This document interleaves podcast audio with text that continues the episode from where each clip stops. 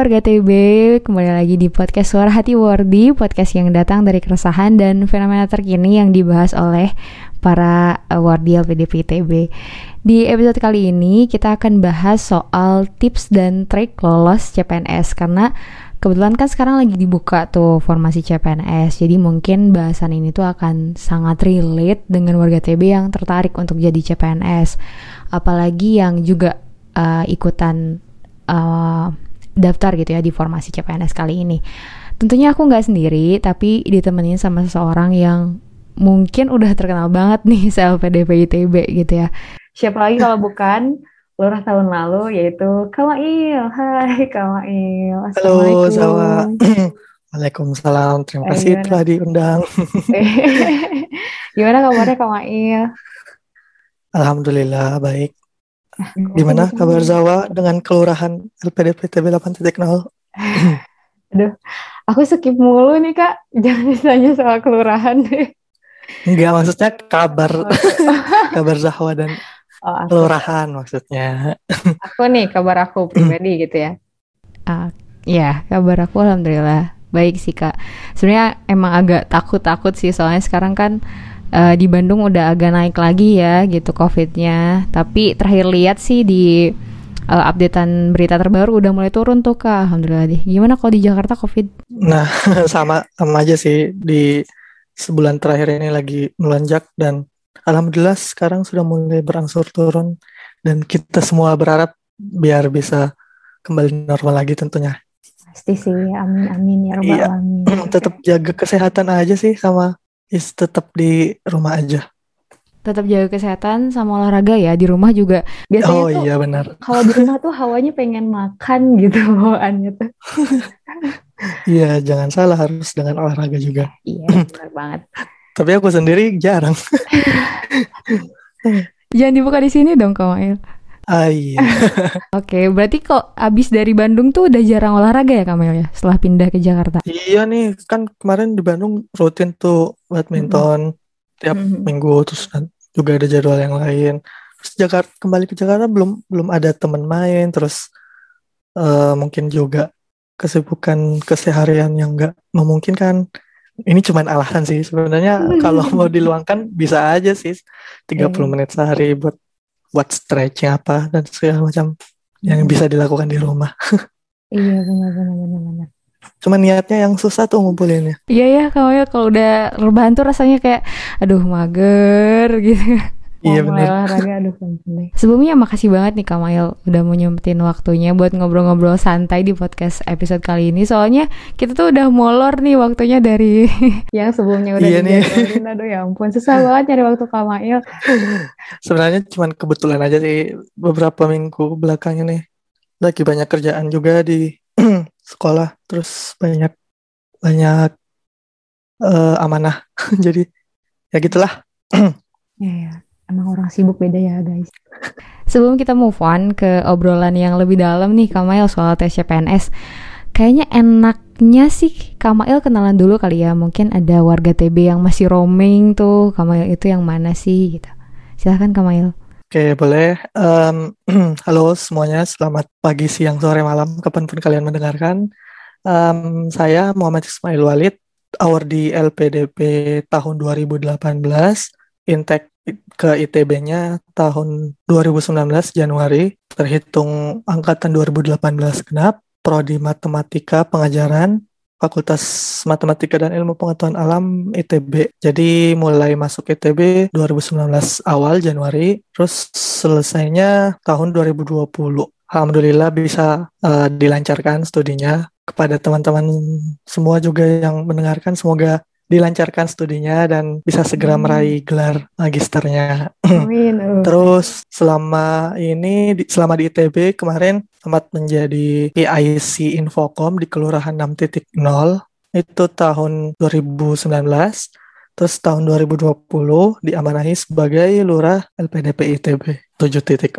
Sekarang kesibukannya um, bukan kesibukan sih ya, pekerjaan. Pekerjaannya sekarang sebagai guru, guru matematika di SMA Negeri 20 Jakarta. Alhamdulillah kemarin uh, lulus CPNS Formasi Pemerintah Provinsi DKI Jakarta. Seperti itu mungkin prolog dari saya, Zawa. Uh, aku harap warga TB udah mulai relate gitu ya sama gestar kita kali ini. Uh, Kamal itu berarti lulusnya tuh tahun 2020 ya kak? Ah, 2020 Real. tahun eh tahun bulan Oktober wisudanya, oh, selesainya oh. September. Ah sidangnya, ah, okay. sidangnya September. Hmm. Terus uh, wisudanya baru Oktober. Um, ah, ya, ya jadi terhitung satu tahun berapa ya? 10 9 bulan, 10 bulan. Dua tahun maksudnya. Dua tahun. Uh, kan mulai kan saya masuknya 2018 genap dari Januari. Oh, jadi bukan ganjil ya? Oh, ganti-ganti. Kan.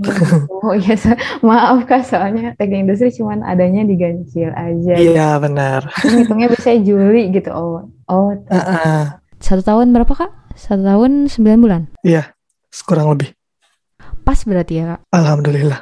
Alhamdulillah mantap banget nih Kak Mail. Setelah itu langsung daftar PNS atau gimana kak? Um, sebenarnya pas pendaftaran CPNS itu masih masih kuliah, masih semester 3 kalau nggak salah. Uh, jadi cerita singkat ya, jadi saya tuh kemarin pada tahun 2020 itu, eh 2019, jadi formasinya 2019, awal daftarnya itu um, Desember November November 2019 terus saat itu masih semester 2 ya nah setelah itu mulai ada uh, pengumuman administrasi dinyatakan lulus terus lanjut ke seleksi kedua seleksi keduanya itu yang seleksi SKB eh, SKB apa yang TIO, TWK, dan TKP. Nah, jadi ada SKD, di SKD itu ada tiga. Nah, itu di bulan Februari, jadi masih semester tiga sebenarnya uh, awalnya berpikir nanti itu kalaupun semoga bisa bisa ngambil walaupun belum selesai studi di S2 tuh bisa tetap ngambil uh, CPNS itu kalau dinyatakan lulus. Tapi bisa nah, kak? Akan tetapi, uh, boleh boleh boleh. Uh, kakak kan daftarnya tuh sebelum lulus berarti ya? Uh, uh.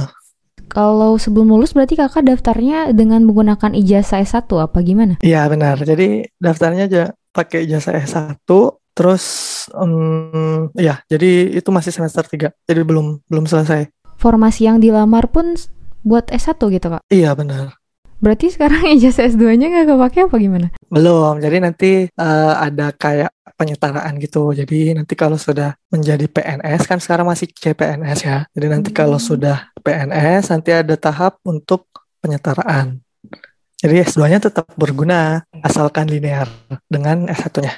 Oke, lanjut. Oke, saya lanjut ya. Tiba saatnya pengumuman SKD itu sekitar Maret apa April gitu. Nah, itu kan udah mulai ada COVID tuh. Mm. Nah, jadi pas itu sudah mulai ada muncul COVID, kasus COVID Indonesia yang bulan Maret kemarin, si kompetensi bidang atau SKB yang dilaksanakan bulan bulan Juni apa Mei gitu. Nah, itu ternyata harus diundur karena uh, seleksi kompetensi bidangnya ini berbasis komputer juga jadi harus ditempatkan di salah satu lokasi. Nah, tentunya akan menjadi penumpukan menyebabkan penumpukan sehingga ditunda. Nah, ditunda terus tuh belum ada kejelasan kapan lanjutnya. jadi uh, setelah berbulan-bulan saya juga sudah tidak mikirin uh, soalnya juga sudah harus fokus untuk penelitian fokus tesis nah, jadinya pas itu juga sedang seminar sidang satu kalau di matematika jadi ada sidang satu sidang dua terus seminar satu seminar dua Nah, pas itu ada seminar satu bulan-bulan itu, jadi fokus di situ dulu. Uh, yang seleksi kompetensi bidangnya itu belum ada kabar sama sekali. nah, tibalah saat bulan September. Ini 2020 ya kak ya? Iya 2020.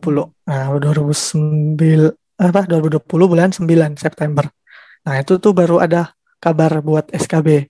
Nah itu pun SKB-nya sesuai dengan domisili, jadi tidak yang berada di luar wilayah formasi itu bisa tes di domisili masing-masing. Nah jadinya saya bisa dapat tes di Bandung, nggak perlu ke Jakarta lagi. Hmm. Dan pada bulan tersebut juga saya ada sudah ada jadwal buat sidang dua sidang dua itu hmm. sidang akhir uh, jadi pas pas sebelum kayaknya sebelum sebelum sidang tes SKB dulu di Bandung tuh Nah, habis itu baru sidang, fokus sidang. Nah, jadi cukup padat juga di bulan tersebut karena pengumumannya juga cuma berselang seminggu, sebulan, eh enggak sebulan, sekitar dua minggu. Nah, jadi butuh persiapan yang ekstra juga untuk SKB tersebut. nah, setelah itu udah muncul ada pengumuman pada bulan Oktober kalau nggak salah, Oktober atau nggak November. Nah, setelah itu ada tahap pemberkasan, tahap pemberkasan sampai Desember, terus nunggu panggilan untuk pengambilan SK itu baru di bulan Februari. Jadi saya kerjanya terhitungnya mulai tanggal 1 Maret 2021. Seperti hmm. itu singkatnya. Oke kak, berarti kan itu tuh agak panjang ya kayak ya, fasenya menuju ke penerimaan gitu dinyatakan lolos. Tadi kan Betul. ada beberapa ada beberapa apa ya? Ada beberapa fase tes tulis kali ya kak? Eh, uh, seleksi. Uh, jadi uh, setelah seleksi administrasi kan ada dua seleksi lagi tuh. Mm-hmm. Seleksi SKD kompetensi SKD, dasar sama okay. uh, uh, sama seleksi kompetensi bidang. Kompetensi bidang. Nah di seleksi kompetensi dasar itu seperti yang teman-teman tahu ada TIU, TWK sama TKP. Ada tiga jenis tes dalam satu seleksi itu kalau di kompetensi bidang lebih merujuk ke bidang masing-masing. Hmm. Jadi kalau saya kan kebetulan uh, matematika nih, jadi uh, ada tes sesuai bidang dan ada juga beberapa formasi yang ada tes wawancaranya. Tapi kalau di formasi yang saya lamar ini tidak ada seleksi wawancara, jadi cuma seleksi tes kompetensi bidangnya masing-masing. Oke, berarti kakak selama kan itu agak hektik gitu ya kayak ya? selama kakak ngikutin uh, apa namanya tesnya kakak juga kebetulan kan lagi ngerjain atau lagi sidang gitu ya itu cara ngebagi waktu dan cara belajarnya gimana tuh kak? Jadi sebelumnya uh, mungkin ada kalanya kita harus bersyukur di tengah apa namanya uh, cobaan atau halangan atau masalah. Karena kemarin kan uh, karena pandemi tersebut saya jadinya nah seleksi seketiganya itu diundur. Hmm. jadi ada waktu untuk menyelesaikan S2 dulu terus juga tidak terburu-buru. Dan uh, kalaupun dinyatakan lulus di akhir tidak ada masalah yang muncul lagi karena uh, studinya juga sudah selesai. Pembagian waktu kalau dari saya sendiri uh, karena waktunya yang lumayan panjang jadi saya bisa fokus satu-satu dulu. Dari Maret sampai September saya bisa fokus menyelesaikan penelitian sama uh, menulis tesis saya. Kan juga belum ada kabar nih uh, masih simpang siur mau diadakan SKB atau enggak ataupun diadakan tapi bulan berapa itu belum ada. Jadi fokus dulu aja ke yang ada di depan. Setelah selesai pasti harus percaya tapi harus percaya kalau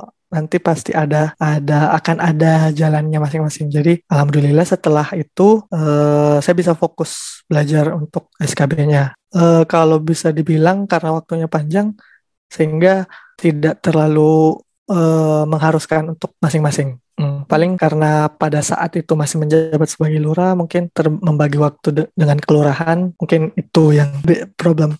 Kalau belajarnya itu kakak biasanya dari mana sumber pembelajaran kakak misalkan kakak beli bukunya kak atau download di online kak apa gimana kak? Oke okay. kalau saya sendiri kalau yang kemarin pengalaman kemarin itu belajar dari ebook ebook PDF gitu terus juga ada grup CPNS yang bahas-bahas tentang soal-soal lumayan terbantu di situ juga karena seperti soal TWK kan itu sebenarnya database ya jadi harus harus banyak-banyak membaca jenis-jenis soal jadi bisa biar bisa ingat nah jadi semakin sering muncul semakin sering dibahas tuh semakin cepat untuk ingatnya Kak agak ini nih agak melenceng dari pertanyaan eh dari konteks Um, kan kemarin tuh sempet rame ya kak yang soal apa wawasan kebangsaan tapi buat um, pekerja di KPK. kan sempat uh, bocor tuh pertanyaan-pertanyaannya yang agak menggelitik sebenarnya. Uh, nah itu kakak sempat dapat juga atau enggak kak? Uh, pada saat itu enggak ada sih, masih masih normal. Jadi TWK-nya wawasan kebangsaannya masih hmm, sesuai dengan yang dipelajari dan tidak jauh berbeda dengan tahun-tahun lalu. Nah, karena kasus yang kemarin itu emang barusan ya, barusan Baru, ya? munculnya. Uh, jadi Iya. pas saya tes kemarin kan masih bulan Februari apa Januari gitu, Februari Januari 2020. Jadi masih aman lah ya. Nggak tahu nih nanti yang yang formasi 2021 nih. Iya soalnya kan ya ini ya kayak kayak topik-topik soal radikalisme itu Hmm. ag- ag- agak disinggung nggak kak atau biasa aja sih sebenarnya Biasa aja sih. Jadi kayak misalkan undang-undang yang membahas tentang terkait lambang negara sama bendera bahasa itu dari di pasal berapa Mungkin itu salah satu contohnya juga tentang bela, bela negara terkait NKRI, terus Bhinneka Tunggal Ika, Pancasila dan Undang-Undang Dasar. Hmm. Empat pilar itu. Yang radikalisme kayaknya enggak deh, enggak ada sih. Berarti kalau aku dengar dari kakak ini tuh kayak tes wawasan kebangsaan waktu kita LPDP nggak ya kak? Agak mirip-mirip dikit ya? Nah, kebetulan di zaman saya 2018 belum ada tuh wawasan Oh. kebangsaan. Kemarin ada wawancara tersendirinya kan ya? Wawancara ada. satu, wawancara dua. Ah, ah. Nah, kalau di zaman saya satu, satu wawancara langsung tiga wawancara. Tapi ada sih pertanyaan-pertanyaan tentang lebih ke ini sih, lebih ke nasionalisme. Oh berarti kalau tesnya PNS kemarin kakak tuh nggak ada tes wawancara berarti ya? Nggak ada ya? Iya, nggak ada. Tapi ada Oh. beberapa formasi yang ada tes wawancaranya pas di SKB itu. Eh, sebenarnya di formasi pendidikan ini yang sebagai guru harusnya ada micro teaching juga karena mungkin ada masih pandemi, jadi masih belum memungkinkan sehingga cuma satu tes pada saat itu. Oke Kak Mail, berarti sejauh yang kakak alamin proses seleksinya itu kakak merasa kakak ngerasa agak ada privilege khusus nggak kak sebagai alumni LPDP ketika daftar? Oh, jelas. Jelas tidak.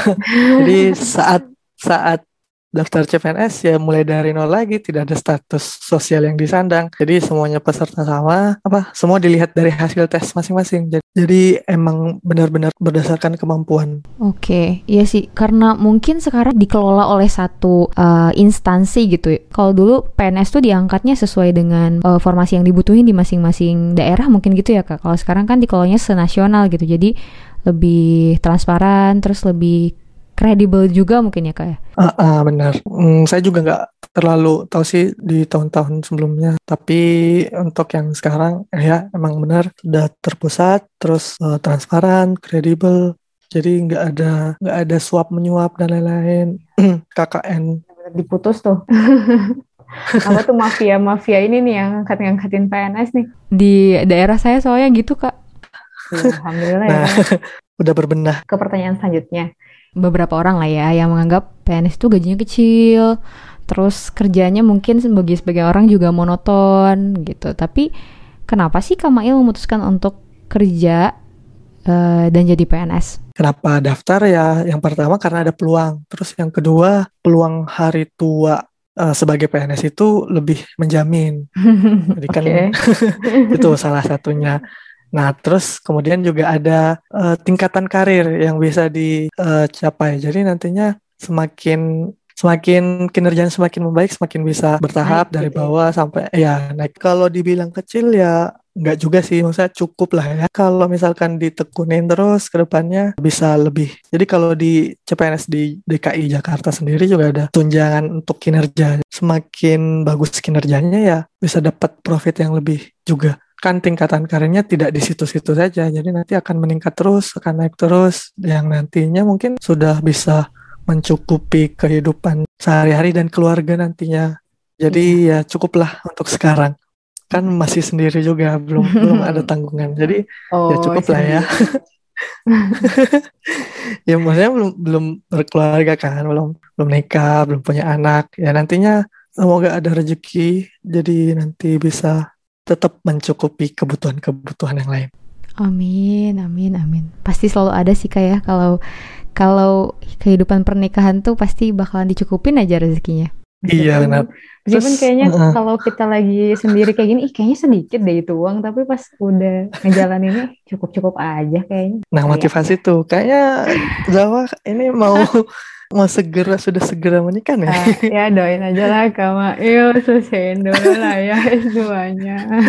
Iya, satu-satu ya. Salah satu bentuk pengabdian juga kali ya ke negara. Sebagai award di LPDP, tentunya kita dituntut memberikan sesuatu untuk Indonesia. Jadi menurut Betul. saya juga ini bisa jadi salah satu kontribusi saya sebagai award di LPDP tentunya. Iya, kalian juga bentuk terima kasih ya Kak udah dibiayain selama dua tahun. Iya, benar. Lumayan tuh. Banyak tuh Kak yang eh, ya award di LPDP yang jadi jutawan mendadak kan ya. Iya. Oh Kak, aku kan eh, agak awam ya soal PNS. Eh, kalau PNS tuh kan ada jenjangnya ya Kak ya, golongannya gitu ya. Kalau Kakak masuknya menggunakan ijazah S1 itu langsung dapat golongan apa Kak? Oh ya, kalau yang S1 itu masuk ke golongan 3, 3A lebih tepatnya. Kalau jenjang karirnya ya ini 3A ke Hmm. 3B, terus ke 3C, terus baru 4A, 4B, 4C, 4D. Terakhir 4D Kak berarti. Iya, Oh. terus nanti ada eselon-eselon gitu. Masih Oh. mempelajari juga jenjang karir, jenjang karir. Masih 6 bulan, jadi masih belum terlalu paham. Itu ada ada ini nggak sih Kak? Ada lama kerja minimum eh jabatan. itu buat mengajukan dulu, jadi mengajukan dengan beberapa syarat. Terus kalau misalkan memenuhi baru bisa dinaikkan. Tuh waktunya paling cepat 2 tahun kalau nggak salah. Oke kak, kak ada nggak kak kasus di mana dia tuh masih kuliah S2, terus ternyata diterima CPNS? Gimana tuh kak? Status dia sebagai wardi LPDP masih lanjut atau dia harus milih tuh di antara kuliah dulu atau PNS? Kalau setahu saya sih ini bukan valid ya, nggak valid ya. Jadi cuma dari pengalaman saya ada satu teman PK, dia statusnya masih belum belum ini sih belum apply. Pas baru PK tuh kan ada seleksi CPNS 2018. Nah, PK-nya itu Oktober, kayaknya CPNS 2018 itu sekitar bulan itu juga dia juga daftar terus lulus, jadi belum belum studi. Nah, Mm-mm. tetapi dia eh, melobi terus ke LPDP kalau eh, bersungguh-sungguh nanti buat melanjutkan studi dan bisa menjalankan dua-duanya. Bisa dapat surat tugas atau surat belajar dari instansi itu juga bukan suatu yang mudah ya karena mungkin di instansi tersebut banyak yang ngantri. Jadi CPNS kan itu kurang lebih setahun tuh. Setahun. Jadi dia akhirnya sudah studi mulai Januari kayaknya Januari kemarin jadi masuk semester genap baru semester 1. Sekarang udah mau semester 2. Nah, Hmm, hitungannya. oke. Ah, Jadi nyelesain tapi tetap ya ah, kak, ah, Ya. nyelesain dulu CPNS-nya, terus udah jadi PNS, terus sudah terbit surat belajarnya, baru bisa melanjutkan studi. Sejauh ini kan kita udah lumayan lama nih Kak Mail ternyata ngobrolnya. Nggak terasa ya. Aku mau nge-recall dulu ya kak, kira-kira tips-tips inilah yang kayaknya tersirat gitu dari cerita Kamail tadi, biar warga TB semua yang ngedengerin ini tuh bisa nge-recall. Yang pertama itu, anggaplah gitu ya, pandemi bisa jadi lahan untuk punya waktu belajar lebih lama. Yang kedua, selesain satu-satu dulu. Fokus apa yang kita dia Benar. kita hadapi di depan. Itu poin kuliah. pentingnya. Oh itu yang paling penting ya kak ya? Jadi fokus satu-satu, jangan kalau misalkan dikerjain sambil barengan ya nggak apa-apa, tapi kayaknya lebih tertata dan lebih bisa cepat selesai kalau fokus satu-satu. Iya bener banget sih. Nah, Ah, Oke, terus lanjut ke tiga itu sumber belajar itu bisa dari ebook, bisa grup CPNS, try out online itu cari-cari sendiri kali ya kayak di internet iya benar. Jadi jangan ya. jangan mau jangan mau mager. Jadi Hmm, kalau ada kemauan ya harus benar-benar ditelusurin, dicari tahu. Bener-bener banget, bener banget. Ini ini lebih ke personal sih. Aku tuh agak tertarik gitu ya ke PN, ke CPNS. Cuman kemarin tuh sempet ragu karena mikir aku kan belum lulus ya S2-nya. Nanti kalau misalkan aku daftar terus ternyata keterima gitu, nanti ijazah S2 aku gak berguna dong gitu. Aku tuh sempat mikir. terus nanti gimana kalau harus milih antara LPDP atau PNS gitu kak jadi ya sebenarnya tadi pertanyaan-pertanyaan tadi tuh mewakilkan pertanyaan aku sendiri gitu Kak. Ah, ah, tapi nggak apa-apa banyak kayaknya yang mempertanyakan hal yang sama. Iya benar kak. Itu jadi udah lumayan terjawab ya warga TB semuanya. Terakhir deh kak, kalau misalkan formasinya dosen itu sama nggak kak kayak guru? Oh ya, um, untuk saat ini ya sampai saat ini, karena saya pribadi juga emang uh, pengennya jadi dosen, tapi mungkin kadar Allah diberi jalan yang lain, kemudahan yang lain, ya tetap sama-sama mengajar, tapi di tingkat yang berbeda. Dulu sih nggak bisa ya karena kementeriannya kan beda yang yeah. ngurusin pendidikan tinggi sama pendidikan menengah kan beda yang untuk menengah kan dinas pendidikan sedangkan untuk yang pendidikan tinggi kementerian hmm. Estek Dikti di masa jabatan keduanya Pak Jokowi ini sudah di satukan antara Kemendikbud dan Kementerian Tinggi ya. Jadi ke depannya nggak tahu apakah nanti bisa di-upgrade menjadi dosen yang tentunya juga jalannya tidak mudah, pasti persyaratannya juga lumayan banyak, tapi siapa yang tahu nanti ke depannya akan bisa atau tidaknya.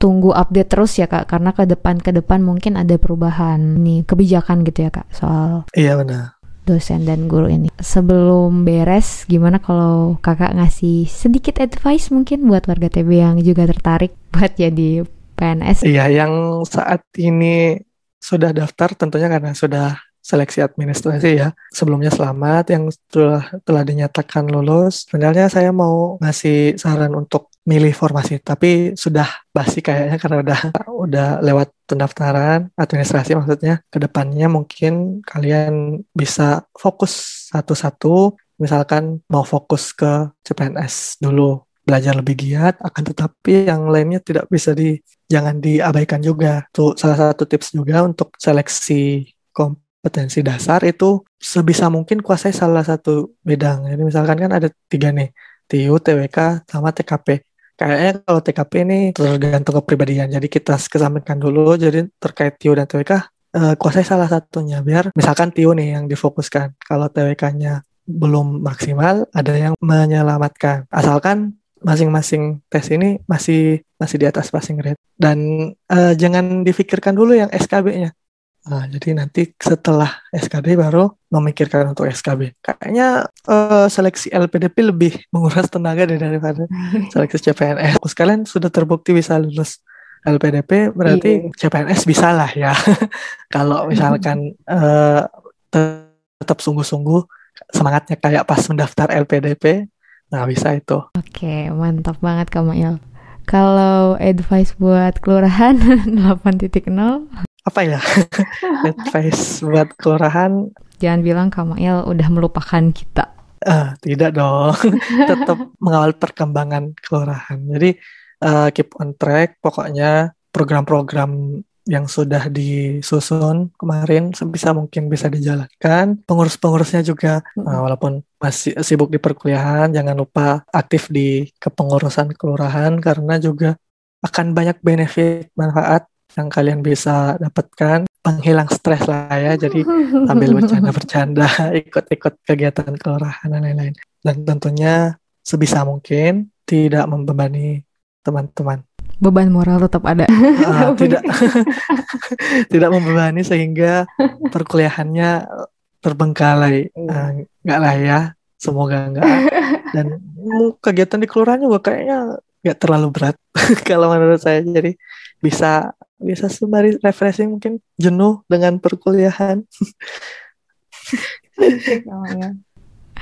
Aduh, semoga teman-teman atau warga TB semua yang ngedengerin ini mau dari pihak kelurahan atau ya di luar kelurahan bisa ngedengerin advice Kamail dan bisa jadi insight buat kami juga. Obrolannya seru banget karena aku juga pribadi pengen banget nih nanya-nanya soal PN, CPNS ini ke Kamail. Tapi udah lewat dan aku nggak daftar karena kemarin galau.